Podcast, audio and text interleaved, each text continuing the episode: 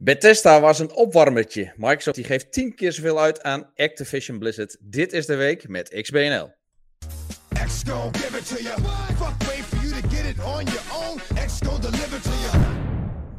Ja, hallo, welkom mensen. Welkom ook aan mijn mede-redacteurs, redacteuren, redacteurs. Redacteuren. Redacteuren. Niels, welkom. Hallo. Rick, welkom. Leuk dat jullie erbij zijn. Yes. Uh, ja, zoals jullie weten, uh, vorige week was aflevering 200. En uh, Phil Spencer die belde. jongens, ik heb een leuk verjaardagscadeau voor jullie. Ja. Ik ga wat kopen. het, het kan jullie niet ontgaan zijn. het was een nou, vrij dure week, denk ik, voor Microsoft. En ja, Phil Spencer de tast in de buidel. daar zat nog een verdwaalde 70 miljard. En ze kochten Activision Blizzard. Wow, man, man, man. Dit is toch. Ik, ja, ik eigenlijk nog terugverwijzen naar vorige week.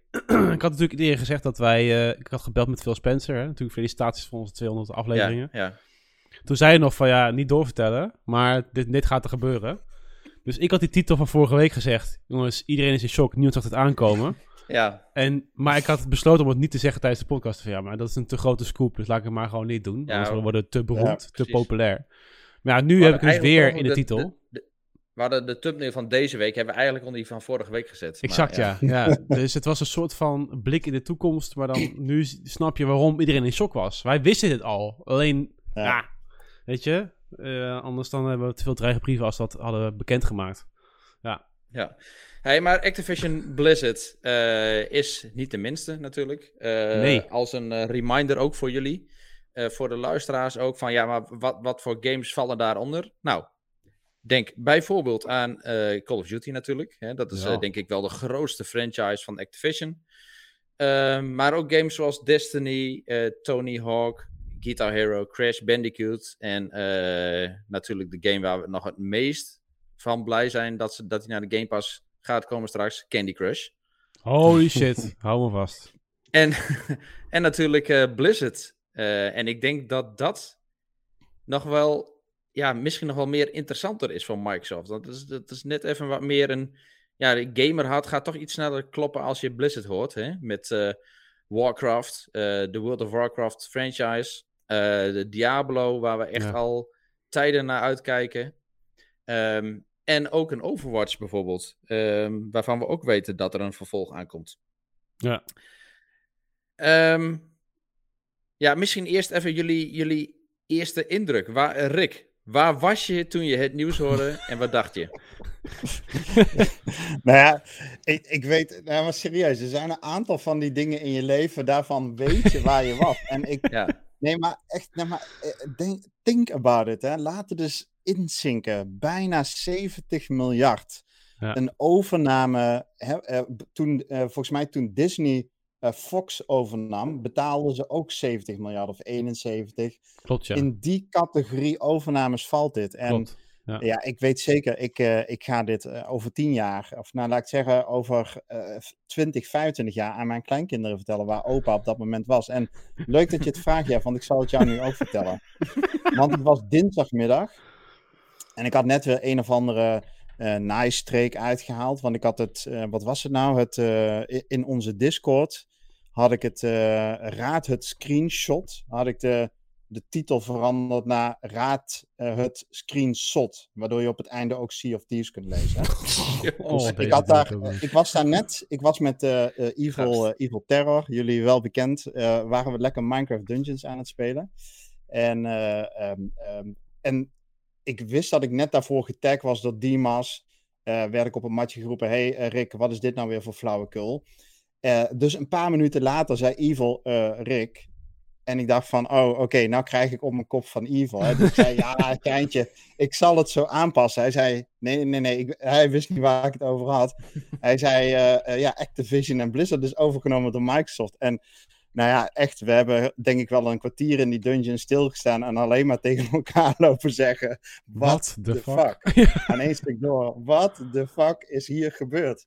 Ja. ja, ik was echt super hyped. En daarna begon de hele motor hier, uh, hierboven te draaien. Van oké, wat betekent dit? Precies. Wat impact heeft dit? En dat gaan we komend uur natuurlijk verder bespreken. Maar daar zat ik dus in mijn gamekamer, kwart over één, half twee denk ik dat het was.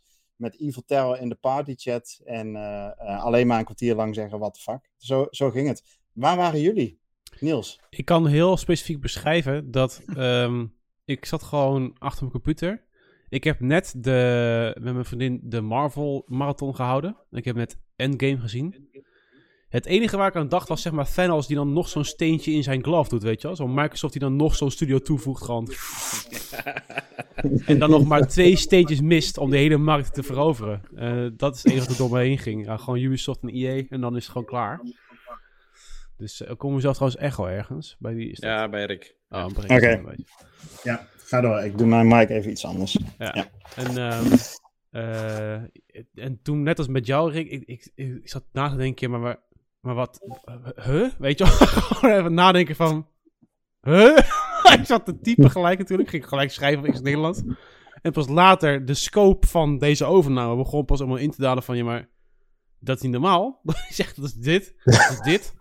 Dit is dat ook. Dit en dit. Nee, alle studio's die erbij kwamen.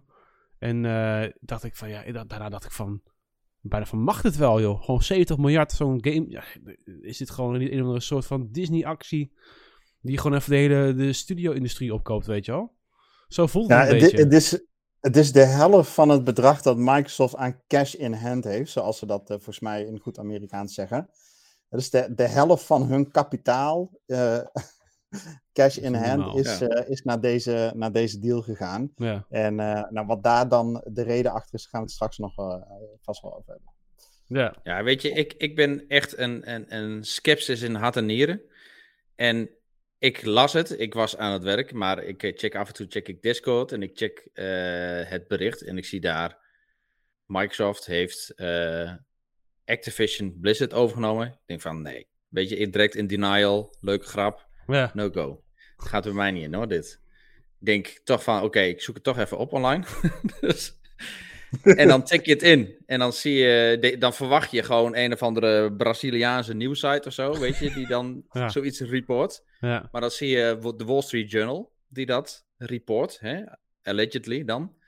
Ehm, en dan heb je zoiets van, nou, uh, dit, uh, blijkbaar is er toch wel uh, iets meer rook, hè, waar wellicht vuur kan zijn. Ja. En dus dan lees je die Twitter-berichten van Phil Spencer zelf en het officiële bericht van Microsoft. Nou, dan zinkt het echt pas in. En dan denk je echt van, wat, waar, in welke wereld ben ik beland eigenlijk? Dus je, je zit het eerst even te processen. Van, hé, hoe dan?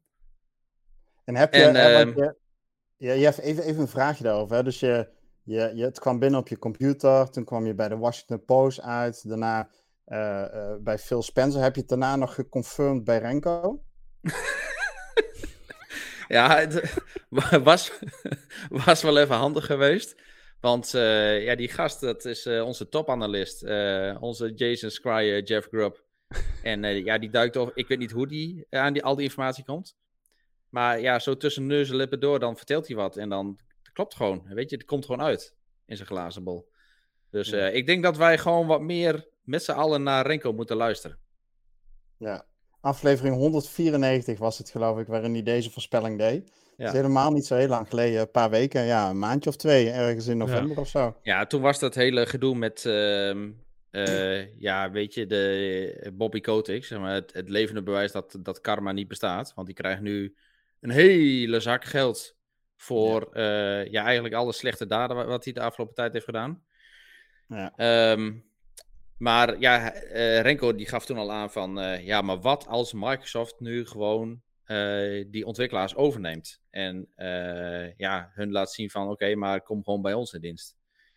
Dus ja, nou, ja. dat is werkelijkheid geworden. Misschien luisteren ze naar ons, want ze, ja, je, je, je, ziet wel eens dat ze vaker wat dingen doen, wat, wat wij suggesties, aan suggesties geven in de podcast.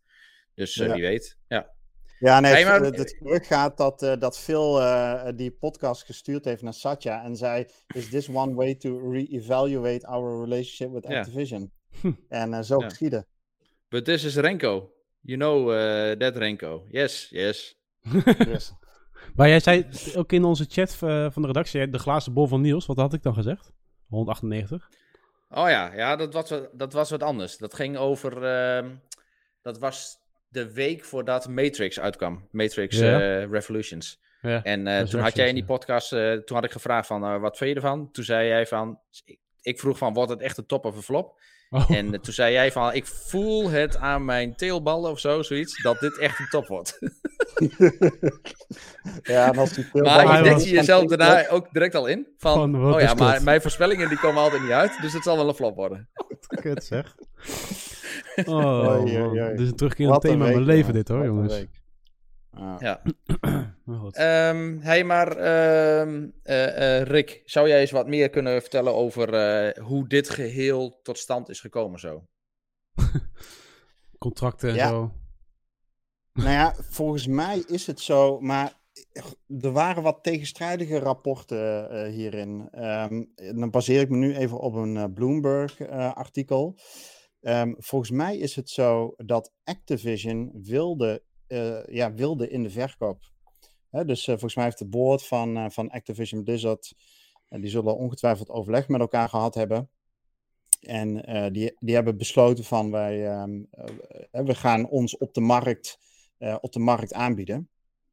En in diezelfde periode, nou weet ik niet meer in welke podcast ik dat nou gehoord heb, maar in, die, in diezelfde periode is Phil Spencer daar ook op bezoek geweest. Onder andere naar mhm. aanleiding van uh, de berichten rondom uh, Bobby Kotick en het vermeende misbruik, de vermeende discriminatieschandalen enzovoort. Spencer had een uitspraak gedaan hè, dat ze kritisch zijn op wat daar binnen Activision gebeurt en um, op basis van die uitspraken zou hij daar uitgenodigd zijn.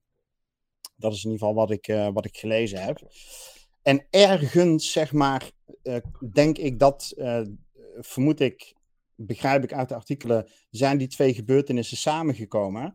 Dus het is helemaal nog niet zo heel lang geleden en is het balletje gaan rollen. Ja, en ja, want, ehm, wat ik lees in de artikelen, maar ik heb wel een beetje tegenstrijdig geweest als uh, Phil Spencer die aangaf. Oh. Ja, ga je gang. We hebben even, uh, je heeft die uh, internetproblemen, dus we moeten even... Het is een cliffhanger van de eeuw dit, hè? Weet je dan, Phil Spencer gaf aan en dan gewoon freezen. Met zijn ja, goed, blik. Uh, misschien dat, dat Spencer zelf iets anders heeft aangegeven. Uh, dat, uh, dat, dat, die informatie heb ik dan, dan even gemist. Maar volgens mij komt Jeff er inmiddels Als nu Phil erbij. Phil Spender. Ja, oh, hallo, ik ben er weer. Ja, sorry. Ja, ik, ik, ja. ik, gaf al aan van... Ik... aan je lippen toen je het had over tegenstrijdigheid. Ja, nee, zeker. En nou, dat dus. maar wat is jullie zien misschien, ik, ik zit hier op een andere locatie, dus ik zit tijdelijk even op een plekje waar het, het internet wat minder is. Um, maar uh, um, ja, het verhaal is natuurlijk ook dat, uh, ja, weet je, met dat hele gedoe met Bobby Kotick, Microsoft en ook Sony, die hebben zich toen best wel hard uitgesproken ook tegen Activision Blizzard. En uh, dat was niet zo hard als tegen, of niet zo hard, zo, zo, waren ze niet tegen Ubisoft bijvoorbeeld. Waar ook wel wat aantijgingen waren. Maar hier waren ze toch best wel uh, meer resoluut in. Ja, we moeten nog maar eens even kijken hoe we met Activision Blizzard gaan samenwerken. Als dit soort praktijken zich daar ook voordoen. En te ja. tegelijkertijd heb je daar ook die Board of Directors gehad. Die uh, flink kritisch is geweest. Ook, ook op uh, Bobby Kotick. Ook dat advies heeft gegeven, geloof ik. Volgens mij heb jij daar toen nog wat over gezegd. Dat hij ook maar zou moeten opstappen, eigenlijk. Um, ja. Nou ja, Bobby Kotick die, uh, die zit er nog. Maar blijkbaar uh, zijn ze er wel over uitgekomen dat uh, het verkocht kan worden. Ja, en voor ja. Microsoft is dat natuurlijk ja, best wel een. Kijk, economisch gezien is, is het gewoon een goede deal. Want een bedrijf wat in opspraak is geraakt, meerdere rechtszaken nog heeft lopen. ja, de stok is gedaald natuurlijk. En als je ziet ja. dat het op langere termijn best houdbaar is, het bedrijf zelf.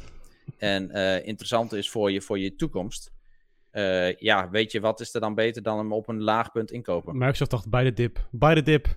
Bij de dip, inderdaad. Ja, en, dat, ja. en dat in combinatie in een periode waarin het echt super onhandig is om ook maar enig geld op de bank te hebben staan. Hè, dus ja. uh, het is veel rendabeler voor Microsoft om te investeren. Betaalt zich sowieso in de long run uh, natuurlijk terug. En dan inderdaad, wat jij zegt, Jeff, Activision ja, in een dieper dal. Hè, dan waar ze nu in uh, zaten, uh, komen ze niet. Er zijn meer dan 1500 mensen die staken. Er zijn 1800 mensen die hebben een petitie getekend dat Bobby Kotick moet aftreden. Overwatch 2 is in ontwikkeling, horen we jaren niks meer van. Diablo 4 is uitgesteld. Is, hè, is alle studio's moeten aan Call of Duty werken. Wat zei je? Ze, alle studio's moeten aan Call of Duty werken. Ja, alle studios moeten aan Call of Duty werken. Dus ja, de, ja, de omstandigheden waren heel gunstig. Ik heb ook begrepen uit andere artikelen dat um, Activision Blizzard ook nog het aanbod naar twee andere partijen gedaan zou hebben voor een overname. En dat die uh, niet konden matchen met wat Microsoft um, ja, te bieden had. 68,7 miljard. En uh, nou ja, goed. Uh, ik denk dat we Loot Kings voor dat bedrag ook wel verkocht hadden aan Microsoft, denk ik. Ja, nou, sterker nog, wij hebben twee sets van Call of Duty verkocht. Dus uh, we zijn binnen. We're out of here. Out of here. We have blood on our hands. ja. ja. Hey, maar en, en Niels, wat uh, betekent dit eigenlijk voor uh, de cultuur dan binnen Activision Blizzard? Dus is dit ook... Gaat, gaat dit verandering daar aanbrengen? Nou ja, goed. Ik hoorde van meerdere bronnen dat natuurlijk Microsoft wat strenger is op beleid binnen een bedrijf. En ik hoorde dan weer, maar misschien is het ook weer dan dat mensen gewoon gaan praten op Twitter en zo van ik heb mensen gesproken op de werkvloer. Die zijn allemaal heel erg blij dat Microsoft het overneemt. Ja, exact. Um, ja. ja. volgens mij, ik, ik weet, kijk, we zouden eigenlijk een keer moeten gaan vragen aan Bethesda van, joh, is er iets veranderd hè, sinds de overname? Maar het lijkt mij heel fijn in ieder geval om Microsoft als partner te hebben. Weet je wel, die daar wel een visie voor heeft. Want op een gegeven moment is de visie binnen het bedrijf ook kwijt. Hè? Op een gegeven moment met Activision Blizzard. Tenminste, ik had het gevoel wel bij Activision Blizzard. Uh, flater naar flater. Ja, die, Precies, en die hadden één visie. En dat is geld maken met uh, Call of Duty. Ja, nou ja, goed. Ik, ik wist zelf toen uh, Activision Blizzard overnam, van 2009 of zo. Toen uh, merkte je ook al een, een, een, een, een ja, soort van kering in de sfeer bij, bij World of Warcraft als game überhaupt. Hè? Alles werd gedigitaliseerd en alles werd tenminste... Mm. Alles werd vermarkt in één keer. Hè? Je kon veel meer skins kopen, pets kon je kopen, server changes kon je kopen. Je kon, van alles kon je veel meer, je kon meer geld gaan uitgeven. Dus het was ook zo van, oké, Activision is echt een geldwolf. Tenminste, die probeert echt heel veel uit de spelen te trekken. Nou, jaren later wordt het door iedereen gedaan, maar goed. Maar je merkt daar toch wel, ik merk in ieder geval wel bij al die games van, nou ja, weet je, ik mis daar toch een soort van liefde of zo. Of, iets van passie voor de franchises. En maar, ik denk laten dat we het, het, is voor Microsoft is het toch ook, die, die doet dit uiteindelijk toch ook, ook weer voor tuurlijk, tuurlijk, tuurlijk. Maar dat is juist het mooie van deze deal. Het past binnen hun uh, lange termijn visie voor de Game Pass. Weet je? Mhm. Gewoon daarom heb ik het ook over Thanos die met zijn, uh, met zijn uh, handschoenen al die Eternity of die Infinity Stones heeft. Ook Thanos had een visie van ja, de, de, het universum moet in balans zijn. Nou ja, goed, dan Microsoft heeft ook gewoon een visie en die voert hem gewoon stap voor stap uit. dus die koopt gewoon een bedrijf op wat zij heel interessant vinden. En die gaan er gewoon echt voor om zo meteen de Game Pass en dus eigenlijk gaming voor iedereen toegankelijk te maken. Nou, ja. daar zijn ze mee bezig. Ja, precies. Ja. ja, en wat je dan ook ziet is dat Microsoft die heeft ook geleerd van zijn fouten. Want die heeft in het verleden wel vaker studios overgenomen. Ja. ja, dat is grandioos misgegaan. Kijk maar naar Bungie bijvoorbeeld. Die uh, uiteindelijk uh, um, independent verder is gegaan en aan zijn eigen franchise maar heeft verder gewerkt. Mm -hmm. En uh, bijvoorbeeld ook een Lionhead, bijvoorbeeld. Ja, dat is zo'n zonde dat die studio uiteindelijk is opgedoekt en, en al zijn werk heeft neergelegd. Want hun werk aan Fable en Black and White en weet je, al die gave creatieve games. Um, ja, daarvan heeft Microsoft wel gezien van ja, dat is dus niet the way to go. Dus zo kunnen wij niet met die studio's omgaan. We kunnen niet die studio's opkopen en het dan uh, zeg maar in een Microsoft uh, mal gieten. Dat gaat gewoon niet. Moeten die studio's moeten we ook in hun eigen uh, ja, creativiteit laten eigenlijk. En dat is denk ik ook nu de sterkte van die Game Pass. Is dat er ook nu een platform is waarin al die games, ook die kleinere games, wat meer creatieve games, dus veel meer diversiteit aan games, uh, ook een plek heeft. En, en het ook uh, ja, business-wise logisch is. Ja, nou goed, ja, ja, qua bedrijfscultuur is natuurlijk wel het, het, het soort van gevoelig hiervan. Is dat als jij nu niks doet aan de hot topics rondom Activision Blizzard over seksisme en wangedrag op de werkvloer. dat als Microsoft niet eist dat Bobby Kotick weggaat of wat dan ook. Nou, voor, mij, voor mij wordt er al gesproken dat hij gewoon weggaat na die deal. Ja, krijgt een hele grote, dikke zak geld mee. Mhm. Dat is wel echt onderdeel geweest van die deal. Dat. Ja, dat Bobby Kotick straks wel gaat. Even, terugkomend op, op wat jij net zegt, Jeff, van, ze hebben natuurlijk een verleden waarin ze studio's gekocht hebben en daarna snel hebben laten, laten zinken. hebben gemaakt, ja. En um, ik denk wel dat de tijdsgeest toen ook anders was. Het was toen nog niet de miljardenindustrie die het nu is, als je ook hè, de, de potentie van mobile gaming erbij pakt. De potentie die xCloud biedt in volume en aantal mm spelers dat je daarmee kunt bereiken. De Activision Blizzard deal is natuurlijk meer dan alleen de Call of Duty franchise, maar bijvoorbeeld ook Candy Crush. En daar kunnen we om lachen. Maar um, ja, daar gaan miljarden in om. Ik bedoel, ja, um, onze ouders die kennen misschien Activision Blizzard vanwege Candy Crush. Ja. Um, of, eh, nou ja, uh, King is het dan geloof ik, hè? Ja. Um, maar in ieder geval, hè, dus de, de, de impact daarvan en het risico om te investeren uh, in zo'n, ja, enorm, eigenlijk met zo'n enorme omvang is natuurlijk nu in een andere tijdsgeest. Ja, ja eigenlijk, eigenlijk investeren ze hiermee ook nog meer in de mobile, uh, ook in de mobile gaming, is mijn aanname in ieder geval. Ja, ja precies. Het, het uh, portfolio is veel breder geworden hiermee. Ja. En, uh, maar ik denk, ja, qua tijdsgeest, bedoel, ja, dat was een andere tijd. Maar daar hebben ze wel gewoon nog steeds een hele domme fout mee gemaakt. Want die studio, die had je beter gewoon lekker in, de, in waarde kunnen laten. In plaats van het helemaal in Microsoft vorm te willen gieten. En dat is wel gebeurd toen. En um, ja. ik denk dat ze daar echt van hebben geleerd. En dat is ook wel leuk aan die documentaire hè, die we toen zagen. Is dat Microsoft uh, toch wel een paar keer flink op de bek is gegaan. Maar ook elke keer wel daar lering uit haalt. En het dan gewoon dat ook totaal niet meer doet dus. Ja. Dus het dan ook de andere kant op gaat. Ja, want eh, Niels, jij, um, misschien ook een beetje in het verlengde daarvan. Je hebt uh, eigenlijk vrijwel direct nadat het nieuws bekend is geworden, heb jij een uh, vrij uitgebreid artikel ook hierover geschreven. Ja, je had daar, daarin ook op een rijtje gezet van ja, om welke games gaat het nou eigenlijk? En ja. misschien kunnen we die eens opnoemen. Hè? Je noemde er net al een aantal, waaronder Overwatch. Maar we toch eens even op een rijtje hebben van ja, om hè, waar, in die 70 miljard, wat valt daar nou allemaal onder? Nou ja, het is net die, uh, die franchises, hè? Call of Duty, Warcraft, Candy Crush, Tony Hawk, Diablo, Overwatch, Spyro, Hearthstone, Guitar Hero. Dan nog een paar. Uh, Star, uh, Starcraft hadden we al? Nou, weet niet wel. Starcraft. Maar goed, er zijn nog heel veel studios die eronder vallen. Net als met Bethesda. Bethesda had je ook iets van zeven uh, studios nog eronder. Dat is in dit geval Blizzard uiteraard, Binox, Demonware, Digital Legends, High Moon Studios. Die kennen we allemaal natuurlijk. Infinity Ward, uh, King, Major League Gaming, Radical Entertainment, Raven Software, Sledgehammer, kennen we ook allemaal. Hè? Infinity Ward ook. Toys for Bob, kijk dat we niet. Treyarch en nog meer teams. Nou goed, Infinity Ward, Sledgehammer en Treyarch kennen we van de Call of Duty games. Die wisselen elkaar af elke drie jaar voor het ontwikkelen van Call of Duty. En uh, High Moon Studios is voor mij van uh, Ori. Toch? Nee, nee, dat is Moon Studios. Oh, Moon Studios. Ja. Nou. Ja, High Moon, of High Moon heeft werk geleverd aan uh, Destiny 1 en 2. Oh, oké. Ja. ja. ja. maar wat een, ja, wat een enorm portfolio halen ze, halen ze hier, hiermee binnen. En um, ja, een van de, de vragen die ik dan ook heb, en, en die zie je natuurlijk, ja, kijk, jij zei net al even voor de podcast, Niels, van ja, social media ontplofte. Ja. En dat is ook exact wat er gebeurde. Wat gaat met al deze titels gebeuren? Hè, gaan wij deze, um, uh, blijven die op alle platformen beschikbaar? Gaan alle toekomstige titels op alle platformen beschikbaar blijven? Of gaan we hier toch uh, een hoop exclusives uittrekken?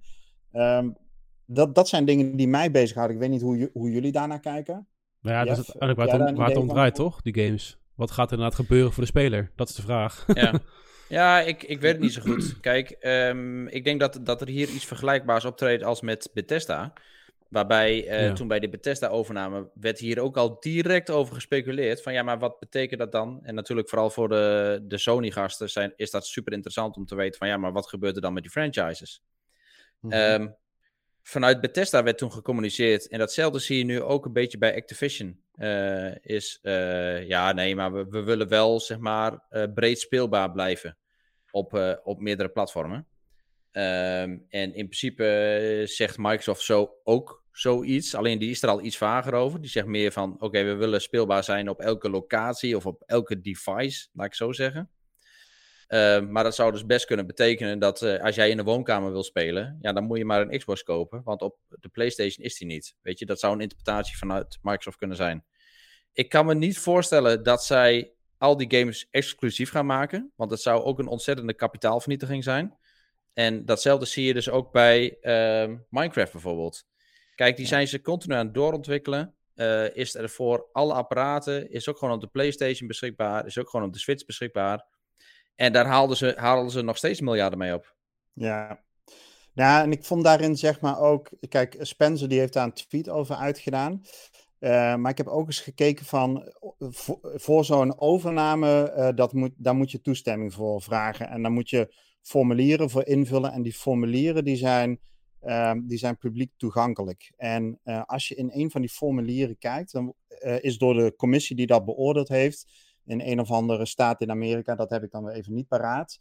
Die hebben als vraag gesteld rondom deze overname: How does this transaction impact existing partners agreements? En dan de zaakjes Sony, Google, Apple. Mm -hmm. Will this change what we are able to offer our partners or how we structure our agreements? En dan zeggen zij, en dan quote ik. We, hè, dus Microsoft. Ja, dan, Microsoft, oké. Okay, ja. ja. Microsoft en uh, Activision Blizzard. En dan quote ik uit, uh, uit dat um, juridisch document: We will honor all existing commitments post-close. Ja. Dus alle bestaande uh, contracten na het sluiten van de deal, die, worden ge, ge, die blijven bestaan. En dan vervolg ik de quote: As with Microsoft's acquisition of Minecraft, we have no intent to remove any content from platforms where it ja. exists today. Ja, ja. ja precies. Dus de, de content... dan krijg je eigenlijk een vergelijkbare situatie als met Bethesda dus ook. Dat er gewoon nog timed exclusives bijvoorbeeld zijn. En uh, die contracten worden gewoon gehonoreerd en uh, dat gaat gewoon zo door. Maar ja. wat je dan wel ziet is dat een game zoals uh, Deathloop... Volgens mij is die al aangekondigd, toch? Voor de Game Pass. Volgens mij... Nee, dat nog nee. niet. Was nee. gerucht. Nee, maar die gaat natuurlijk straks in september is het dan... Gaat die natuurlijk uitkomen op de Game Pass. Ja. Ja, nee, die, ja. die, uh, dat, dat, dat, klopt. Wat er bekend is geworden, volgens mij is Jeff even weg. Um, maar wat er bekend is geworden over die. Uh, goed, dat gaat dan over Deadloop en dat valt dan onder Bethesda Zenimax. En wat er bekend is geworden is dat de contractdatum ergens medio september verloopt. Dus dan is het de exclusiviteitsperiode kan ontbonden worden. Of dat ook gaat gebeuren, dat is nog uh, even de vraag, maar alles wijst daar wel op. En eigenlijk inderdaad, uh, wat Jeff denk ik net bedoelde, Niels, ik weet niet hoe jij daar kijkt, is dat je in de citaten van Phil Spencer en de vaagheid van de quote zoals ik hem net voorlees in die juridische documenten, lees je eigenlijk, ja, alle games op de platformen waar ze nu bestaan, die blijven bestaan. Maar dat zegt niks over nieuw te ontwikkelen games. Of, ja, um, uh, ja of, of sequels natuurlijk, hè, in de franchise. Ja. Kijk, ik uh, kan me uh, slecht voorstellen dat een Crash Bandicoot of een Spyro, uh, dat die ook naar de PlayStation komt. Ja. Het lijkt mij dat, dat die dan gewoon lekker exclusief naar de Game Pass of naar de Xbox komen ook. Ja, maar is het maar zo? een Call of Duty bijvoorbeeld. Call of Duty is zo'n wereldwijde franchise. En daar kun je het richting de gamers kun je het niet maken om dat ding exclusief op je Xbox te laten landen. Ja, maar uiteindelijk wil je toch ook gewoon zelf verdienen aan die games. Bijvoorbeeld die alle scrolls. Wordt dat, wordt dat Xbox exclusive op Bethesda of gaat het toch inderdaad multiplatform worden zometeen? Starfield ja, is ik denk dat volgens ze, mij. Ik denk dat ze ook per game die afweging gaan maken. Van uh, wat zou het betekenen als we dit uh, bijvoorbeeld als een 60 dollar game zouden verkopen uh, op andere platforms? Ja. of wat zou het betekenen als we het exclusief houden en dat het uh, mensen gaat dwingen om die Game Pass af te nemen. Dus dat ja. het meer abonnementen oplevert. En ik denk dat daar gewoon een, echt een financiële afweging voor in komt. Nou ja, weet je wat, okay, dat, die, die quote van Phil Spencer trouwens, sorry, gewoon even. Phil Spencer ja, heeft altijd dan gezegd, die maakt het dan heel mooi, van ja, weet je, wij willen eigenlijk gewoon gaming toegankelijk maken voor iedereen, ongeacht wat andere partijen op de markt doen. Dus hè, wij vinden het niet erg om sommige games ook gewoon op de PlayStation net te hebben, als, als we maar allemaal kunnen gamen. Dat is een beetje het, zo van, kijk, Jawel, kijk maar, goed wezen, bedoel, business-wise. Uiteindelijk, ja, precies. En, en uh, Phil Spencer, die uh, is daar niet alleen aan het roer om uh, het de gamers leuk te maken, maar die is daar ook om keiharde knaken te verdienen voor Microsoft. ja. Dus ik, ik uh, denk dat hij wel altijd met uh, twee tongen spreekt. Ja, ja. pet op. Oké, maar dan even het volgende daarover, hè. Want um, als je het dan hebt over die games die uh, onder deze acquisitie vallen, dan heb je het onder andere over Call of Duty. En Call of Duty is al jarenlang. Hè, ik denk dat de laatste keer dat Xbox de, uh, de uh, marketing deal had, stamt uit het begin van het 360-tijdperk. Maar Call of Duty is ook PlayStation. Ja. ja. Um, of zowel in hun PR, marketing, exclusieve mm -hmm. in-game content. Ja. Dus al decennium lang de best verkochte game op de PlayStation by far. als je alle exclusives optelt, komen ze nog niet in de buurt van Call of Duty. Call of Duty valt vanaf 2023, waarschijnlijk bij het, het eindigen van het volgende fiscale jaar, als deze deal helemaal rond is, valt dus onder de Xbox uh, Game Studios als IP. Ehm, natuurlijk wil PlayStation deze game behouden. Dan nu mijn vraag: zou het een optie zijn dat opnieuw aan de onderhandeltafel gezegd wordt: Sony, jullie willen deze game prima. Wij willen Game Pass op jullie platform aanbieden. Ja. ja. Ja, ik, ik denk dat dat soort. Ja, ja, ik, ja. Ja, weet je, eh, we, we hebben hele gekke dingen meegemaakt uh, het afgelopen jaar. Uh, dus ja, je, je kunt, zeg nooit nooit hè, met dat soort zaken. En uh, misschien is dit een, een onderhandelings uh, ja, tactiek of, of een, hoe dat? een, een, een onderhandelings uh, ja, breekijzer, laat ik het zo zeggen, bij PlayStation. Maar ik denk eerder dat ze, misschien dat het iets is voor de langere termijn. Maar ik denk eerder dat, ze, dat er gewoon wordt gekeken naar, ja, als jij gewoon lekker Call of Duty wil doen en je wil hem gratis hebben, kun je beter Game Pass kopen. Uh, want de PlayStation moet je daar bijvoorbeeld uh, volgend jaar 80 euro voor neerleggen. Ja. Of 80 dollar. Ja, want zo meteen ja. haal je nog des te meer. Je Game Pass eruit. Zo'n beetje elke nieuwe game komt naar de Game Pass. Ja, precies. En je krijgt op de Game Pass krijg je bijvoorbeeld ook automatisch de, de Call of Duty Season Pass erbij. Dus die hoef je niet uh, los aan te schaffen. Weet je, dat soort zaken. Kijk, ja. dat heeft Phil Spencer natuurlijk gezegd. Hè, van we willen um, wel zorgen dat de Xbox gamer... Dat, dit was nog ten tijde van het Bethesda deal dat de Xbox gamer uh, profijt gaat hebben bij deze aankoop. Dus die gaat ja, profijt ondervinden van, uh, van die games. Dus niet zo ja. dat, dat het op beide platforms alsnog draait en uh, ja, dat is het. Ja. Ja, nee, we hebben dat natuurlijk vorig jaar gezien wat daar de impact van is. Hè? Toen op dag 1 MLB de Show uitkwam, vorig jaar januari. Tja. Uh, een so notabene een Sony game die je vanaf dag 1 op de Xbox kon spelen in de Game Pass. En op het andere platform moest je 70 euro betalen. Nou ja, het is ja. twee weken lang nergens anders over gegaan. Ja, en ja. Uh, nou ja, dat is dan bij één game. En als je dit nu gaat krijgen met het portfolio dat er nu is.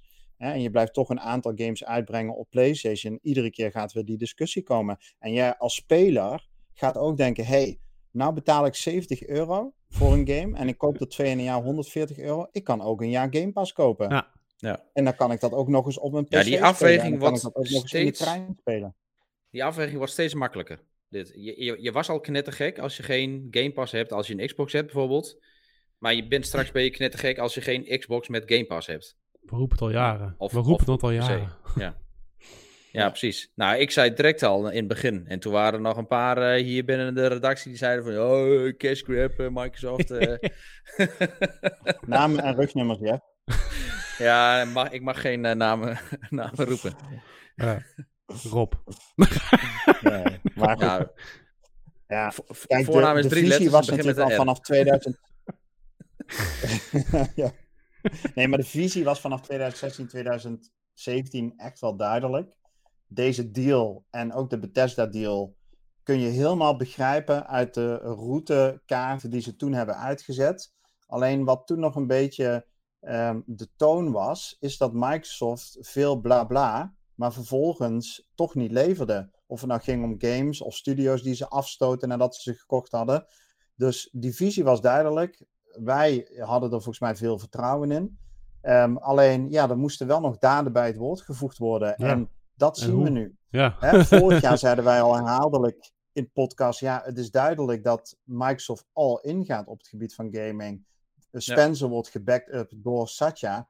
Ja, en nu de helft van de cashflow gaat naar deze aankoop. Dus ehm, wat dat betreft, en misschien dat jij dan, Niels of Jeff, ook wat over die reorganisatie kunt vertellen die de divisie nu heeft doorgemaakt. Maar ehm, het staat naast de Office-producten en naast Windows. Ja, Xbox ja daar stond het al. En ik heb het idee dat het nu nog, ja, nog meer als een, gewoon een, een apart bedrijf binnen Microsoft ook wordt gezien. Uh, het, het, heet volgens mij nu ook officieel Microsoft Gaming. En uh, de titel van Phil Spencer is ook uh, veranderd in Vice President of Gaming at Microsoft naar CEO of Microsoft Gaming. Dus dat is gewoon de hoogste baas binnen die divisie. Ehm, maar ik denk dat als we het hebben over die reorganisatie, dat is um, inderdaad wel iets van meerdere factoren. Dus het een is, is wat jij aangeeft van, ja, maar Microsoft die is zich echt uh, nu op een bepaalde manier aan het positioneren. En die staat ergens in een markt waar het volgens mij nog alleen staat. Want Sony die, die is gewoon bezig met hun eigen ding en met ja, uh, mooie games maken. En uh, nou ja, een soort van vakman, vakmanschap afleveren. Maar die, die staat nog eigenlijk in de, ja, een, een, een, een oude zagerij mooie werkbankjes te maken, zeg maar. Of mooie eh, meubels te maken. En Microsoft die is zeg maar een beetje de IKEA aan het uithangen. En die, die stampt er meubels uit eigenlijk. En ik denk dat het andere... Uh, dus ja, daar moeten we straks ook over hebben. Facebook en, en Amazon en zo. En het andere, dat heeft echt wel met Activision Blizzard te maken. Dus dat hele wat daar aan de gang is, dat zie je nu hier terug. Uh, want wat opvalt hier is uh, dat je heel veel vrouwen in deze chart ziet. Ja. En uh, dat je ook daarbij, zeg maar, die inclusivity. Ja, inclusiviteit. Ja, je weet wat ik ja, wil. Inclusiviteit. Dat je dat ook hier terug ziet in de titels die erbij staan. Dus dat Microsoft daar best wel een, een, een statement in maakt. Misschien wel heel erg links in is, maar wel een, een duidelijke statement in maakt van um, dat oude cultuur, wat nog heerst bij Activision Blizzard, dat is met deze organisatie, met deze management, is dat gewoon voorbij. En dat is gewoon van, dit is straks jullie nieuw management. En ik denk dat daarom heel veel medewerkers bij Activision Blizzard ook gewoon blij zijn dat Microsoft het overneemt. Ja, trouwens even voor de luisteraars, we zien nu inderdaad een uh, overzicht van een gaming leadership team. Dat zie je ook op Twitter van Phil Spencer en in het artikel van de overname van Activision Blizzard. Zie je zo'n overzicht. Ja. En wat trouwens een uh, leuk weetje is, uh, Mike Ibarra, wat die tot een twee jaar geleden, twee geloof jaar ik, nog, uh, zeg maar, de, de, de soort van... home. Ja, vice-president was. Zeg maar, de, de, de, de second in charge van, naar Phil Spencer. Die is naar Activision Blizzard gegaan. Ja. Die, die is daar een van de directeuren. En die komt dus nu weer terug. Ja, ja same voor Rod Ferguson natuurlijk van de Coalition. Oh ja, tuurlijk. Ja. Die, uh, die is naar Blizzard gegaan als uh, studiohoofd, nadat hij uh, tig jaar aan Gears franchise gewerkt heeft. Dus eigenlijk is het gewoon een soort inside job. Hij heeft gewoon, Microsoft heeft gewoon pionnen neergezet. En ze van, ga jij maar daar werken en jij daar werken? Over een paar jaar ja. gaan we eens even van die inside out. voor een heel groot bedrag. Mogen je allemaal berichten gaan verspreiden over de werkvloer? En dan wordt het minder waard, gaan wij het opkopen. Hey, terwijl wij hier uh, een podcast aan het voeren zijn, is onze research redactie in de vorm van Dan Revoek heeft even wat uh, search gedaan. En die, uh, kon, die heeft net gevonden dat um, Candy Crush dubbele omzet of revenue draait ten opzichte van bijvoorbeeld Call of Duty. En dan gaat het echt om honderden miljoenen meer opbrengst ten opzichte van Call of Duty. Moet je nagaan. dus de, voor mij, voor mij voel ook een beetje de bevestiging, de winst en ja, de, de winst, zeg maar, zit hem ook dus deels in die mobile, mobile hoek. Ja, nee, ik geloof gelijk dat daar heel veel geld mee wordt opgehaald. Maar het is toch echt een scheidgame dat. Ik bedoel, dat mogen we toch echt niet gaan verwarren met uh, eh, AAA gaming. Dat. Ja, maar luister, bedoel, luister het, het, het, het, het, is zo'n bankflappenautomaat, weet je, voor Microsoft nu. Waar gewoon elke 10 minuten komt weer een biljet van uh, zoveel duizend uitrollen. Maar luister, Jeff, ik, uh, ik kan je nu al op een briefje zeggen, als daar achievements aan worden toegevoegd, dan kan ik wel een paar namen noemen die hun principes opzij zetten. Als elke keer, ja, dat denk ik ook wel. Onder andere. Elke keer als Rick gaat scheiden, is het gewoon achievements hangen te geblazen, hoor. ja, precies. ja, en dan, en dan alles aan die Candy Crush uh, RNG hangen, hè? Ja. ja, ja, ja. Nee, dan, dan laat maar zitten. Dan heb ik er al geen zin meer in. Ja. Ja. Ja, wat een nieuws, man. Echt. Ja. hey, maar ehm, ehm, daar hadden we het net al even kort over. Ehm, kijk, Microsoft heeft dat al aangegeven, hè, dat uh, hun, hun concurrent is niet Sony. maar uh, dat heeft veel mensen volgens mij twee jaar geleden al aangegeven. Hun concurrent, dat is meer Facebook, Google, ja. uh, Amazon. Ja. Die natuurlijk al jaren bezig zijn om een ja, voet tussen de deur te krijgen dus ook een, een, een piece of the pie uh, van de gamingwereld mee te krijgen.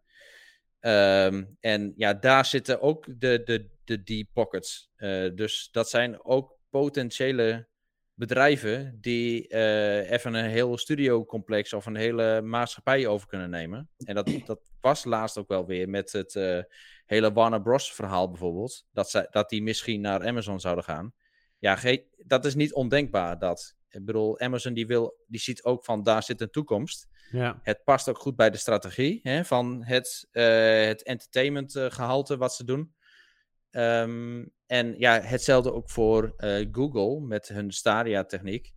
Um, ja, en hoewel dat, dat niet helemaal lekker uit de verf komt, en ook bij Amazon komt die hele gaming-divisie komt niet helemaal lekker uit de verf. Dat is wel nog steeds de concurrentie waar Microsoft het over heeft. Maar ik heb het idee dat waar uh, Google echt wordt tegengehouden door het, uh, het aanbod bijvoorbeeld voor Stadia, wat gewoon uh, absoluut niet ideaal is voor die ontwikkeling van, van het cloud-platform. bijna al, zeg maar, ten dood opgeschreven. -hmm. um, en dan heb je Amazon, waarbij de gaming-divisie gewoon niet van de grond komt. Die studio's, die, die produceren maar niks eigenlijk. Ja, klopt.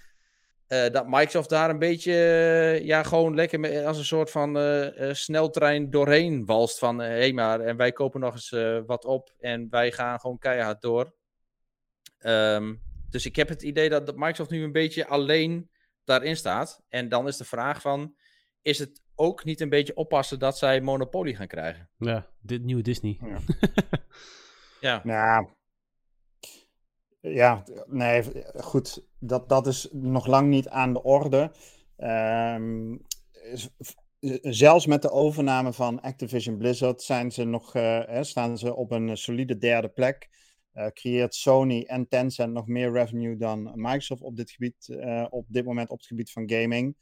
Um, ja, ik denk dat, dat daar voorlopig nog geen sprake van is. Maar het zou natuurlijk wel in een toekomst, hè, als je uh, als cloud gaming uh, de normaalste zaak van de wereld gaat zijn en iedereen dat eigenlijk een beetje verwacht van hoe zij gaming gaan consumeren, uh, als dat de gouden standaard wordt en wat ook goed werkt, ja, dan heb je een ander verhaal. En het zou me niets verbazen als Amazon en Google op het succes van Microsoft gaan meeliften. Dat als je over vijf tot tien jaar consumenten hebt die gewoon gewend zijn dat ze hun games op hun telefoon, op een iPad in dongels in de televisie, waar dan ook door kunnen spelen. Ja. En zij ook die uh, infrastructuur op orde hebben. Je noemde net al met Stadia, die natuurlijk um, eigenlijk, ik denk dat de games daar misschien nog wel beter op draaien dan op xCloud. Alleen, ja, er zijn minder ja. games. Ja. Hè, maar als dat eenmaal ook gemeengoed is, dat zij daar ook wel op meeliften. Ze hebben het kapitaal namelijk makkelijk om erin te investeren. De overnames inderdaad die Microsoft nu doet, die zouden zij ook zo kunnen doen. En dan stel nou bijvoorbeeld dat zij een Square Enix zouden overnemen. Uh, of een uh, Ubisoft, wat niet gaat gebeuren. Ja, dan hebben ze in één klap natuurlijk. Ja, ja eh, precies. Dan staan ze er. Ja. Dan, dan staan ze er. En ja. dan heb je wel een situatie hè, waarin, ehm, kijk, even als, als voorbeeld. Netflix, die um, weet ik hoeveel miljard pomp in Game of Thrones. Die gaan niet zeggen, ah, weet je wat gaan we ook Disney hier, daar mogen jullie ook wel, uh, hè, daar mogen jullie ook wel uitzenden. Of HBO, ga er lekker maar mee aan de slag. Dan heb je dus echt wel verdeeldheid over platformen. Ja. Die er nu ook wel is. Ik bedoel, als ik de Last of Us wil spelen, dan moet ik mijn PlayStation aanzetten. Maar hè, 90% van de games is multiplatform te spelen. En op het moment dat dat allemaal weggaat in subscripties, hè, namelijk Prime Gaming, Game Pass en ja. uh, hoe noemen ze het nou bij Google ook alweer? Stadia. Nou ja, ja Stadia, pardon. Hè, dan, uh, dan heb je wel meer verdeeldheid. En ik weet niet of ik daar nou dan zo blij van word. Nou, het is net met de streamingmarkt nee. inderdaad nu toch. Hè? Met Amazon Prime inderdaad, Netflix en Disney+. Plus. Je krijgt een soort van licentieoorlog ook. Want je hebt bijvoorbeeld... Uh, zo grappig om te zien. Bij Disney Plus heb je geen Spider-Man films. Ik van, maar hoezo eigenlijk niet? Maar dan zie je dat bijvoorbeeld Sony dan weer de licentie heeft voor de filmpersonage Spider-Man. En dus Sony bepaalt. Oh ja, ik, ik zag het al Waar die films dus terechtkomen. Ik zag op Netflix Spider-Man. Ik zeg van, hoezo, wat doet dit hier op Netflix dan? Ja, precies. Raar, hè? Dus ik vraag me af of dat zometeen ook dat zegt Microsoft van, ja, weet je, voor zoveel euro mag je de game ook al daar aanbieden of zo. Dat je nou toch weer... Ja, maar dat wordt echt zo'n licentieoorlog dat, joh. Ja, en ik hoop echt wel dat, dat uh, Phil Spencer Phil Spencer blijft. En um, ja. Um, juist ook wel vanuit het imago wil werken. Uh, omdat, ja, weet je, dat, dat heeft ze de afgelopen jaren gewoon zo goed gedaan. Dat heeft ze eigenlijk uit het hele, de hele sloot getrokken. Ook rondom de hele toestand met de Xbox One en uh, die Kinect bijvoorbeeld. Um, juist die houding van: oké, we, doen het voor de gamers en we, we, zijn hier om jullie te pleasen. En dan komt dat wel, weet je, die revenue komt wel. En dat, dat heeft zich echt wel bewezen. Uh, en niet dat het straks toch de omgekeerde wereld wordt. Dat, dat de revenue dan toch de, de beslissende factor wordt. In plaats van een uh, mooie bijkomstigheid. Ja, goed. Het zijn nou eenmaal gewoon grote bedrijven, miljardenbedrijven. Ja. En uh, ja. aandeelhouders en zo, toestand. Dus ja, weet je, dat, dat speelt ook wel mee. Um, hey, misschien een andere topic, hè? Kijk, iets wat uh, in het artikel ook werd aangegeven. En ja, misschien loopt Microsoft al wel heel erg ver vooruit uh, op de zaken. Maar dat is, uh, ze hebben daar over de metaverse. En ja. dan heb ik zoiets aan, metaverse, ja, wat is dat? Maar nou weet ik, we hebben hier een redacteur in ons midden, die weet alles van de metaverse. En dat naam is Rick. en dat is Rick. Ja, nou ja, kijk, metaverse, dat schrijf je natuurlijk als meta en dan als een soort versie erachter. En daar houdt mijn kennis wel op. Nee, ja, nee, ik zei voor de, voor, de, voor de uitzending, dit is natuurlijk weer een van onze vele inside jokes. Van, ja, jij, hè, want een van de, ik las in een artikel van Polygon, dacht ik, een, een blogpost, las ik dat een van de redenen om deze overname te doen is om de metaverse te pushen. En, uh, en ik zei, ja, jij hebt eigenlijk geen idee wat dat is. En, uh, um, uh, dus als het op dat punt komt, dan moet je het even uitleggen. Dus het, het, stuk, het stokje gaat terug naar jou. Goed ja. geprobeerd.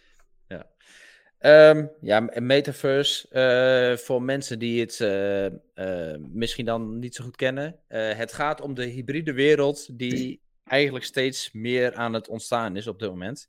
En Google of Facebook Ehm, Mark Zuckerberg, die heeft de laatste, heeft hij daar ook al heel helder over gepresteerd. Dus die heeft het ook al gewoon uitgelegd. En het is eigenlijk ook een definitie die uit die Facebook-wereld komt. Um, wat wil het zeggen? We hebben een digitale wereld waar wij steeds actiever in zijn op onze telefoons, ook in onze dus games. Door die coronapandemie heb je dat social gezien? media.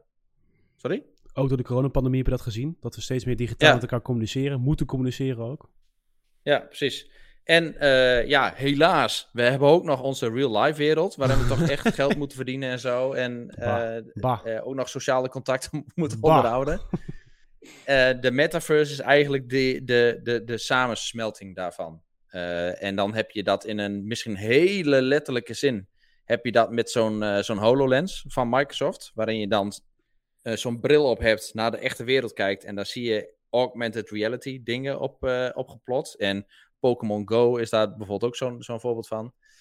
Um, en dat is eigenlijk een heel licht begin. Want uh, Metaverse slaat wel op dat het echt een volledig geïntegreerde ja, uh, leven is met je huidige leven. Dus dat het echt wel een, een combinatie gaat worden. Oké, okay, dus even om te checken of ik het goed begrijp. Hè? In Sea of Thieves heb je een tavern. Oh, jongens. Ja? Stel nou dat ik buiten mijn Sea of Thieves sessies om in dat tavern kan inloggen. En ik zie daar Niels digitaal aan de bar zitten. En ik zie daar een Masmenno en ik zie daar een Chew. En er worden wat gesprekjes gevoerd en er wordt een bingo-avond georganiseerd. en hey, weet je, ik wil ook nog een LOE-cursus doen. Die wordt in die tavern aangeboden. En als ik denk, ik heb even genoeg ervan, ik loop even naar mijn dock toe en ik vaar even met mijn schip uit en ik rol zo die game in. Zit ik dan in een metaverse? Eh, de, denk ik wel, ja. Ik, ik denk niet dat Metaverse al zo'n definitie heeft dat je precies kunt zeggen van ja, maar dat is het. Ja. Uh, dus ik denk dat, dat uh, de beste definitie is gewoon de samensmelting van de digitale en de echte wereld. Um, ja. Maar ja, ik, ik, denk dat je het wel uh, goed omschrijft inderdaad. Dus ja, je, of, of andersom hè. Kijk, je, je gaat misschien, je stapt misschien een kroeg binnen En daar zijn ook mensen uit een andere kroeg digitaal aanwezig. En op die manier kun je met elkaar praten. Ja. Maar dat zijn geen reapers dan, toch? die, die, komen niet mijn loot stelen. Nou ja, misschien ook wel, ja. Ja, ja digitale loot misschien wel, ja. Maar goed, Metaverse is nee, zo'n danig groot onderwerp. Echt, uh, ik vind serieus een, een heldere uitleg. En dan snap ik ook, zeg maar, dat ze...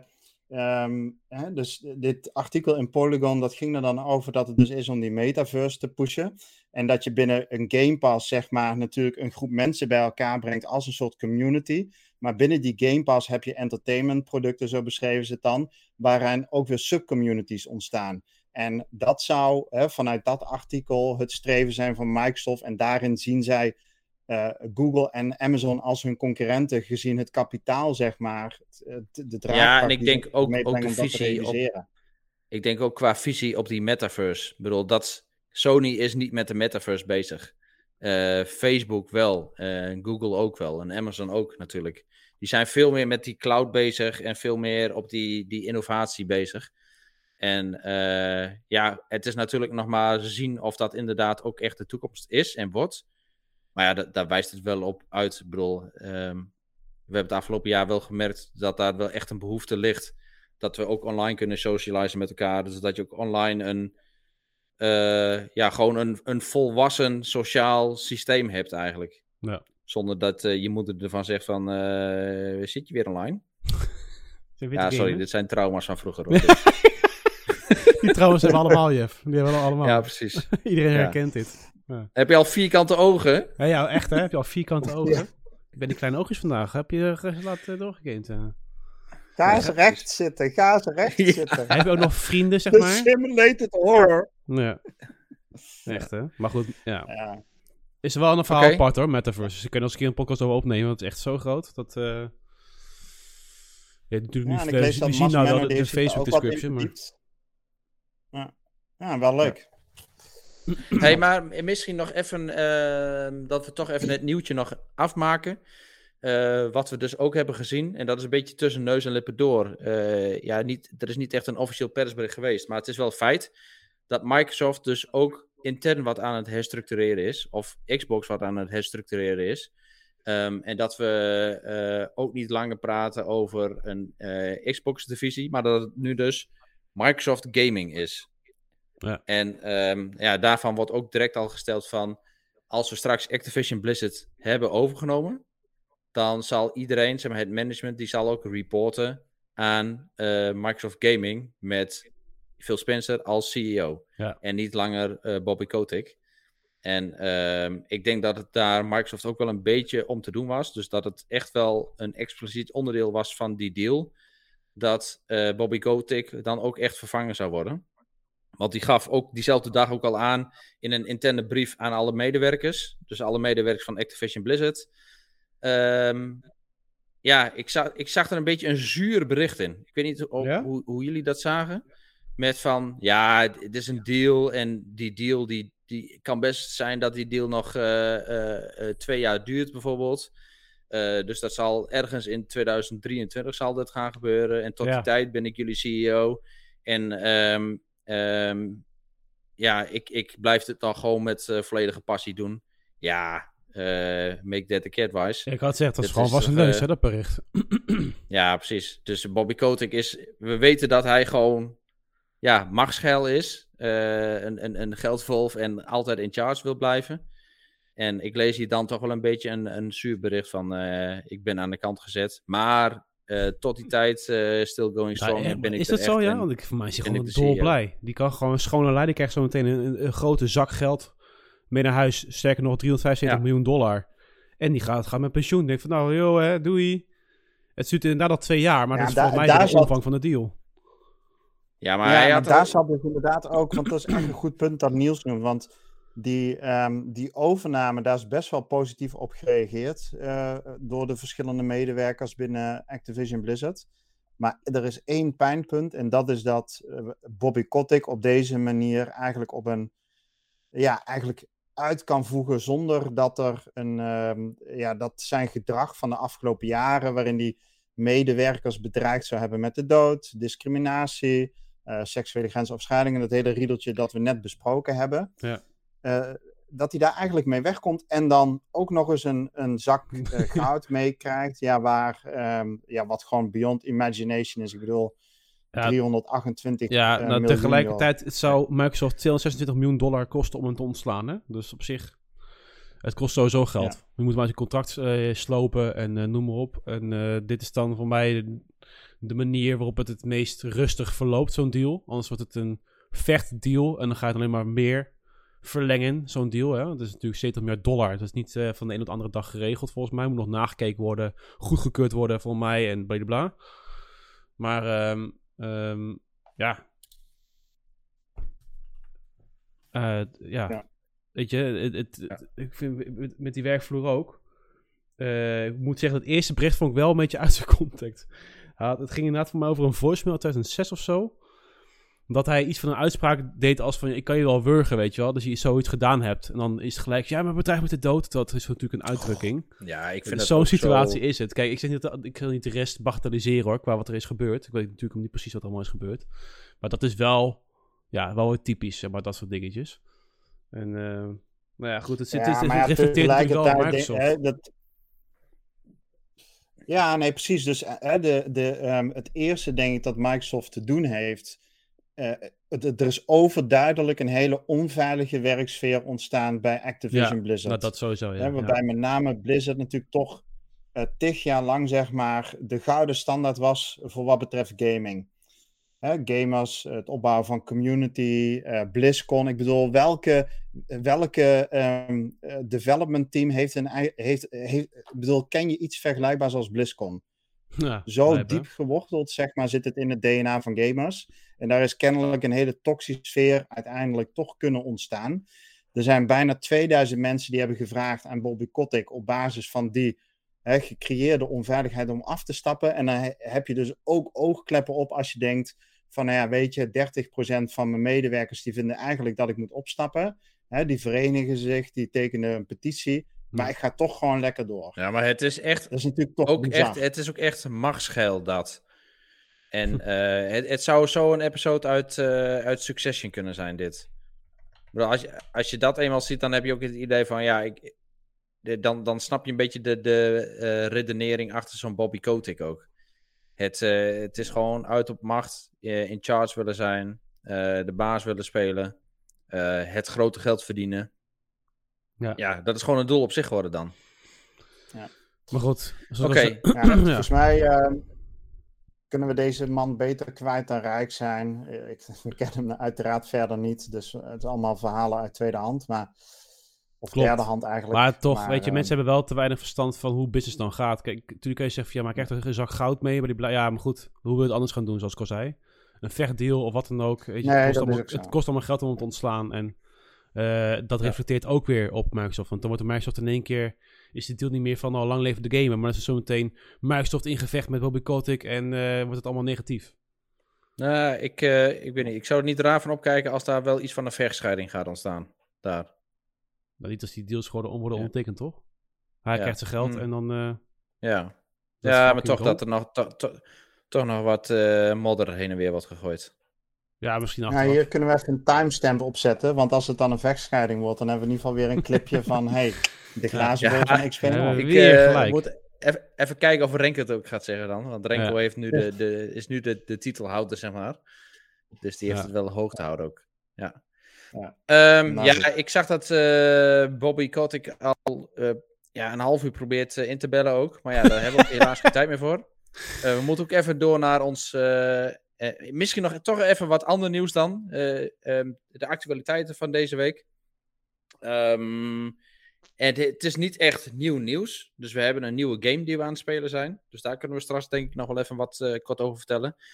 Um, maar één opvallend iets waar ik afgelopen week tegenaan liep. En ja, het klinkt misschien een beetje raar. Maar ik zag de vergelijking van Digital Foundry voor de GeForce Now. tegenover xCloud en Stadia. En wat mij daarin opviel, is dat die GeForce Now een hele goede cloud implementatie heeft. Dus uh, de kwaliteit is rete hoog. Dus echt met, met 4K kwaliteit uh, zitten ze echt hoog met een hoge FPS ook. Dus dat gaat gewoon 60 FPS, geen probleem. En een hele lage latency. Sterker nog, zij hebben met hun uh, GeForce Now, dus dat is hun cloud product van GeForce. Dus als je geen videokaart kunt betalen, nou, dat is tegenwoordig standaard het geval. Dan kun je zo'n cloud subscription kun je afnemen. En dan heb je in principe dezelfde ervaring. En dan heb je een soort van virtuele videokaart. Uh, de verbinding gaat dan over, uh, over het lijntje, over het internet. Ja. Ehm, maar het resultaat is verrassend goed. Eindelijk na al En dat stemt, stemt mij echt heel positief. Dus los, dat het, los van dat het niet voor xCloud is en dat xCloud nog steeds best wel shitty is, ehm, betekent het wel dat het dus mogelijk is. Dus ik, ik vind het heel positief. Ze hebben het ook wel tegenover xCloud gezet. Um, en um, ja, uh, het, die, die GeForce Now, die performt nog beter dan native een, uh, een Xbox. Dus die heeft een lagere latency dan gewoon een console. Nou, dat is bizar. Dus dat is gewoon goed. Dat is up to par. Dat is, dat is de standaard waar we volgens mij in cloud gaming ook naartoe mogen werken. Nou, zij zitten daar dus nu al op. Met het behoud hm. van kwaliteit. En uh, ze hebben dat dus tegenover xCloud gezet. Uh, nou ja, en dan moet je uh, denken, ik heb hier een overzicht voor me. Uh, er wordt Outriders wordt hier getest. als je dat op de PC speelt, dan heb je daar een latency van 50 milliseconden. Als je dat op de Xbox speelt, heb je een latency van 100 milliseconden. Dat nou, is meer. Ja. Wij hebben daar weinig van gemerkt. Dat is, ik bedoel, het is gewoon goed te spelen, die game. met de GeForce Now heb je ook 100 seconden latency milliseconden. Dus dat betekent dat het gewoon helemaal up to par is met console standaarden. Dus dat is, dat is gewoon een heel goed resultaat. Mm -hmm. ook op de GeForce Now Shield, dat is het, on, het mobiele apparaatje wat uh, GeForce heeft, uh, zit ook op die 100 milliseconden. Um, en dan kijk je naar xCloud. En xCloud, dat is, ja, weet je, dat, dat is jammer. Die zit op 172 milliseconden. En dat is net die extra latency ja. van die laatste, nou ja, uh, het, ja, het, het, het gaat zeg maar nog 80% overheen. Of ja. 70% overheen. En uh, ja, dat, uh, dat merk je gewoon echt aan xCloud. Dat dat gewoon niet fijn werkt. Um, ja. Maar ja, ik denk dan bij, bij dit soort bericht, berichten denk ik wel van... Ja, het kan dus wel. Ik bedoel, de, de techniek of de, de internetconnectie is niet de beperkende factor hierin. Het zit dus echt aan Microsoft kant zelf. Dus zij kunnen zelf aan knoppen draaien, sleutelen, investeren in het project om het beter te laten worden. En helemaal up to speed te brengen met GeForce Now. Dus ja. er zit wel echt een toekomst. Ja, maar dat is, toch, dat is, hartst, dat is eigenlijk gewoon goed nieuws. Het is dus een kwestie van ja. tijd. Ja. Ja. Ja, ja, zeker Ik kan het zeggen, want ik, ik weet wel dat... Uh, ik weet niet of je het hebt gevolgd. Je had een bedrijf in 2005, On Live. En die, bedoel, die introduceerde dat een beetje op de markt. Om gewoon dus inderdaad over internet games te spelen. Maar dat was toch in zo'n enorme lag. En het ja. werd voor gemeten dat het eigenlijk niet van de grond afkwam. En nu gewoon eigenlijk 16 jaar later, 17 jaar later, werkt het gewoon. Eindelijk pas. Ja. lachen. Ja. ja. Ja. precies. Ja, dus ik, uh, dit, dit stemt mij heel erg positief over de toekomst van cloud gaming. Uh, ja. Natuurlijk jammer dat Microsoft nog niet op hetzelfde niveau zit als GeForce Now. Uh, maar ja, we hebben gezien hoe diep de buidels zijn van Microsoft. Ja. dus van tijd. Uh, dat, het stemt mij positief dat. Ja. ja. Oké, okay, en um, ja, het laatste dat is... ja, misschien kunnen we dan ook schakelen naar wat we zelf hebben gespeeld. ja, nu al, gelijk? Oké. Okay. Ja, we, we, we, hadden nog vragen staan eventueel, die ook weer Rick had voorbereid van, van Sony's nee, maar ja, we hadden vragen... Ja, we hadden vragen als stellingen gekregen, omdat we een voorspellingen podcast zouden doen. Maar uh, ja, dit nieuws kwam er ineens tussendoor fietsen. Ja, ja. En, uh, uh, dus dat komt de volgende keer. En we hebben, we hebben geloof ik twee reviews op de website gepost. Um, Eén van Rainbow Six Extraction. En één die Dimas gereviewd heeft. Dan ben ik alleen even de titel daarvan kwijt. Um, maar ja, mensen weten te vinden xboxnederland.nl. En daar kun je de reviews lezen. En we zijn nog een aantal indies aan het reviewen. Die zullen komende dagen of komende week uh, gepubliceerd worden. Ja, dan bij deze.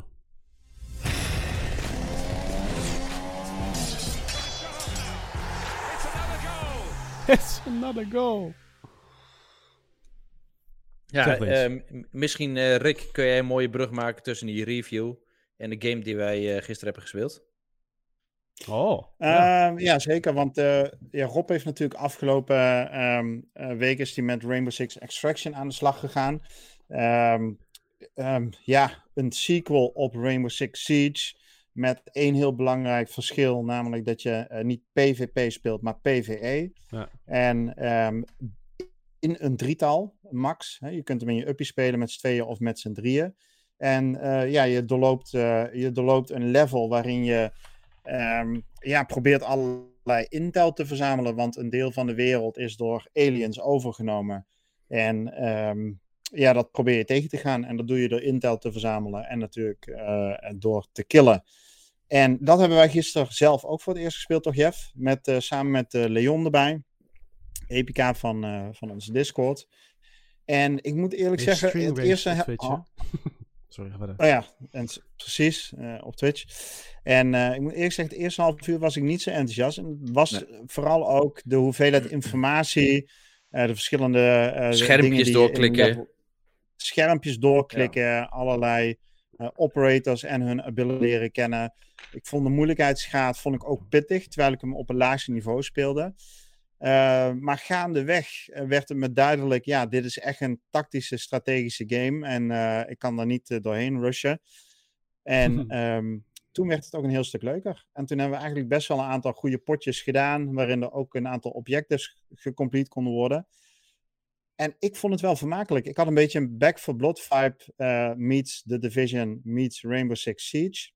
Ja. En um, nou, de Division vergelijking klopt trouwens niet helemaal.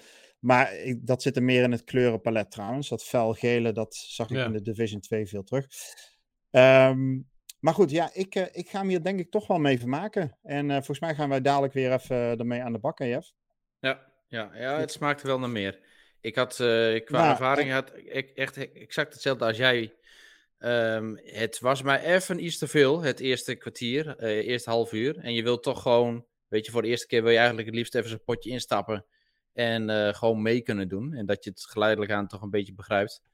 Uh, kwam misschien ook wel omdat we alle drie nog nieuw waren met die game. Uh, want ik heb het ja. idee dat je, dat je eigenlijk wel een, een senior nodig hebt. die het al vaker heeft gespeeld. die ook wel een beetje de, de tactieken kent. want elke stage is ook weer een soort van. Ja, sorry dat ik het zeg, maar een soort van minigame op zichzelf. die je ook weer moet snappen. En ja, ja dat, dat moet je wel elke keer steeds verder leren. Maar het ja. smaakt echt naar meer dit. Ja, nou ja, absoluut. En um, nou, wat Rob uh, betreft ook, want dat was de reviewer, dus die is er al een weekje of, uh, of langer mee bezig. En um, uh, nou ja, die, die heeft de game een 8,5 gegeven. En die, ja, die zei heel erg over te spreken. Het wordt geen vervanging voor Rainbow Six Siege, begreep ik, maar wel een hele leuke en mooie aanvulling. En wil je er meer over weten, dan, dan check in ieder geval de website. Verder uh, heb ik, uh, en dat is dan het laatste, heb ik uh, natuurlijk um, nog wat weer Sea of Thieves gespeeld. En dat is ook een beetje in voorbereiding op de Community Day. Want vanuit Rare hebben ze, de game bestaat nu bijna vier jaar. En um, 25 miljoen spelers. En dat willen ze voortaan gaan vieren in de vorm van Community Days. En dat hebben ze best wel leuk bedacht. die Community Days, de eerste set daarvan is op 30 en 31 januari. En dan kunnen we door. Um, de, dan, dan geldt er een community multiplier. En dat betekent dat als jij veel uh, op social media uh, je screens post onder een bepaalde hashtag, bij het behalen van bepaalde mijlpalen, krijgt de loot die je inlevert in de game, die krijgt meer waarde. Tot een What? max van uh, keer 3,5. Um, nou, dat is echt veel. Dat is echt, dus dan ga je voor kisten ga je snel 4.000, 5.000 uh, goldstukken krijgen. En voor um, hele dure kisten misschien wel richting de 50k. Um, ja, dus dat, wordt genieten. Dus, uh, wat zei je? Hoe gaan ze dat meten dan? Dat kan het niet. Dat ze zeggen van je moet drie keer tweeten om uh, dit te krijgen. Ja, je moet dus onder een bepaalde hashtag, uh, volgens mij, nou ja, in een artikel op de website heb ik beschreven welke hashtag je moet gebruiken. Ik heb hem even niet paraat, misschien weet iemand uh, in de chat hem zo. Um, ja, dan, dan, uh, zij gaan dat monitoren, het social media team. Hmm. En bij het behalen van, ik noem maar wat, 100.000 berichten onder die hashtag, gaat de multiplier naar 1 en dan naar 1,5 vermoed ik, en dan naar 2. En zo gaat dat die, die twee dagen door. Dus dat wordt een. Ik claim het XBNL, alle social media kanalen. En dat wordt alleen maar Sea of Thieves die dagen. Hij gaat helemaal los. want wij gaan natuurlijk ons steentje bijdragen. Nou, ons steentje bijdragen. En dat doe ik niet alleen, want wij ja, nou, we gaan een flinke duit. In ja, dat denk ik ook. Het, we gaan flink meedraaien. ik, ik ben nu al bezig met berichten voor te programmeren iedere minuut. Ja, dacht ik al. Ja. Maar, gekocht om automatisch te pushen. ja, precies. Ja, en het laatste daarover is dat we, om dat te vieren, gaan we ook weer een server alliance opzetten. En wil je daar aan meedoen, dan moet je even naar het evenementenkanaal gaan. Hij zegt ook alsof een Server Alliance gewoon een knop is in de game. Ja. maar dat is gewoon een, een, soort van hack, is het gewoon. Gewoon het... Eh, nou, ja, oké. Nee, het is geen hack. Maar je moet wel een keer meedoen. Statistisch gezien echt... Ja, nou, als je dus... Dan zou ik dus 30 uh, eh, januari zondag meedoen, want dan uh, haal je dus dikke loot binnen. Dan word jij op die dag nog Pirate Legend, Jeff, denk ik. Maar lastige bij de Server Alliance, als ze nu eens hebben een patch doorgevoerd... Dat is, voorheen konden we met vijf boten op een server. En dan kon je vijf galleons of vijf bricks of ieder willekeurige combinatie. Maar ja, wat we zagen is dat als je echt vijf galleons op de server hebt, dat dat um, heel veel vraagt van die server en dat er instabiliteit ontstaat, dat er registraties niet goed doorgevoerd worden. Kortom, regelmatig ja, ellende. Als je 3000 kisten gaat inleveren, ja, dan kan tegelijkertijd dan wel, ja. wat de performance problemen oplost, ja. Oh, ja. Ja. nou ja, maar goed, ze hebben dat nu aangepast doordat ze nu nog maar maximaal 16 spelers op een server uh, toelaten. En dan krijg je dus verschillende hmm. bootcombinaties. Dus bijvoorbeeld twee galleys, een break en twee sloepjes, ik noem maar iets. En daardoor wordt het wordt de kans dat je eh, op een server alliance hè, met vijf boten tegelijk op server komt, wordt ook aanzienlijk kleiner. Hmm. Maar je kunt nou, niet met vier galleons dan? Nee, vier galleons. Uh, nee. Ja, vier. vier zou kunnen toch dan? Vier keer vier wel, maar niet vier keer vijf meer. Ja.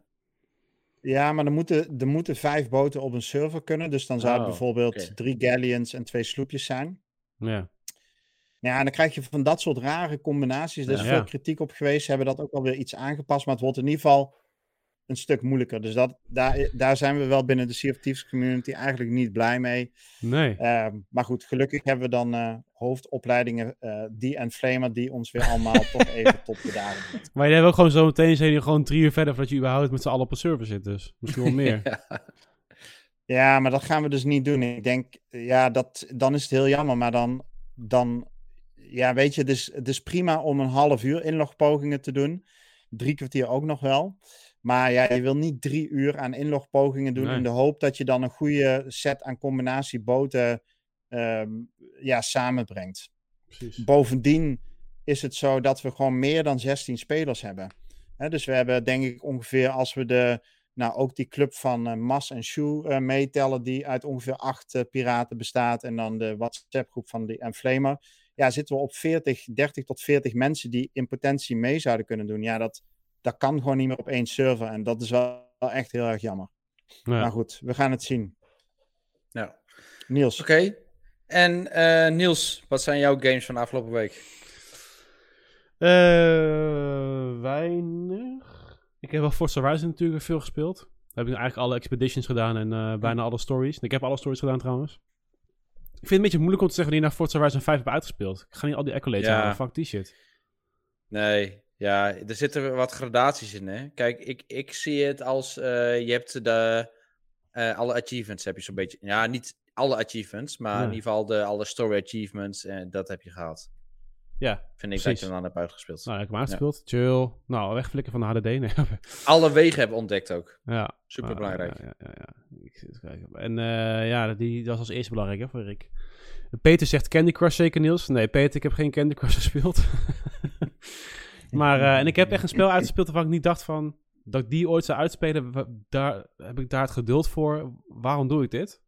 Maar er zat toch een bepaalde goede... Nee, Skatebird. Skatingbird. Of nee, Skatebird. Serieus? Ik heb Skatebird uitgespeeld, ja. ja. Wij hebben die beta hebben nog toch gedaan, Rick? Oh, ja, nee, maar dat, was, dat is niet per se een makkelijke game. En ik vond die controls soms ook wat. Ja, dat, nou ja, ik vond het helemaal niet een game om te zeggen van... Oké, dit ga ik lekker avondenlang doen, dit.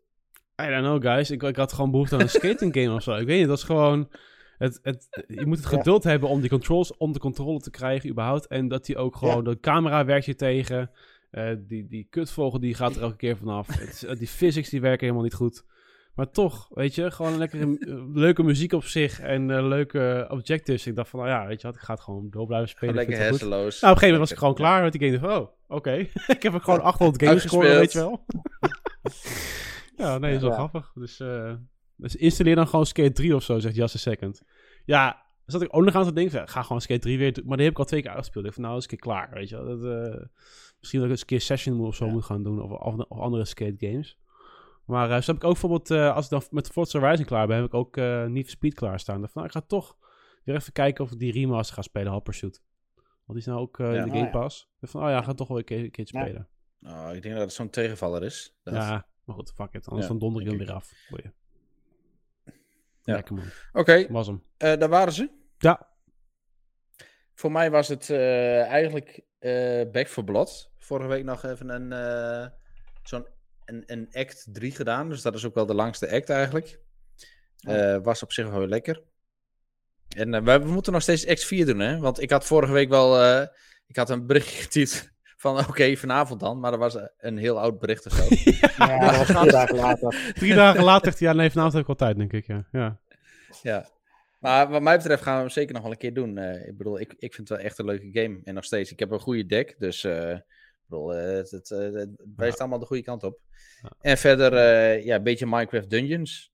En uh, oh, ja, ja, dat dus. Ja. En vanavond dus gewoon lekker weer Rainbow Six Extraction doen. Oh, we zijn trouwens al wel bezig uh, met de Echo Generation. Ook heel vet. Zo wel zijn we steeds verder in. Oh, die is zo mooi. Ja, dat is cool. Coole oh, game is dat. dat is zo'n goede game. Ja. Ook okay, trouwens ook nog... Oh, echt... Heb ik nog uitgespeeld? Raji. Ik ben me kleinere games aan het spelen trouwens. Gewoon van die kleine indies. Vind ik wel, vind ik wel leuk. Oké. Ja. ik heb vorige week uh, trouwens uh, Sable ook opgepakt. Ja, wil ik ook gaan doen. Ja. Ja. ja, ziet er heel tof uit.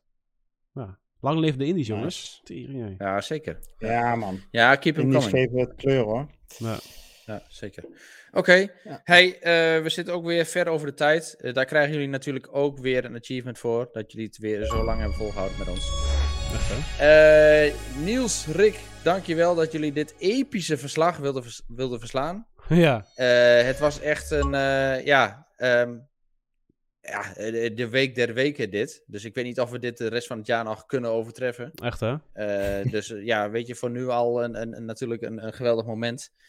En ja, jullie als luisteraars, jullie waren erbij. Gewoon, je was er live bij, bij deze, deze podcast, ja. deze livecast, podcast. Um, bedankt voor het luisteren. Fijn weekend en tot de volgende keer. Yes, tot de volgende keer. Yes.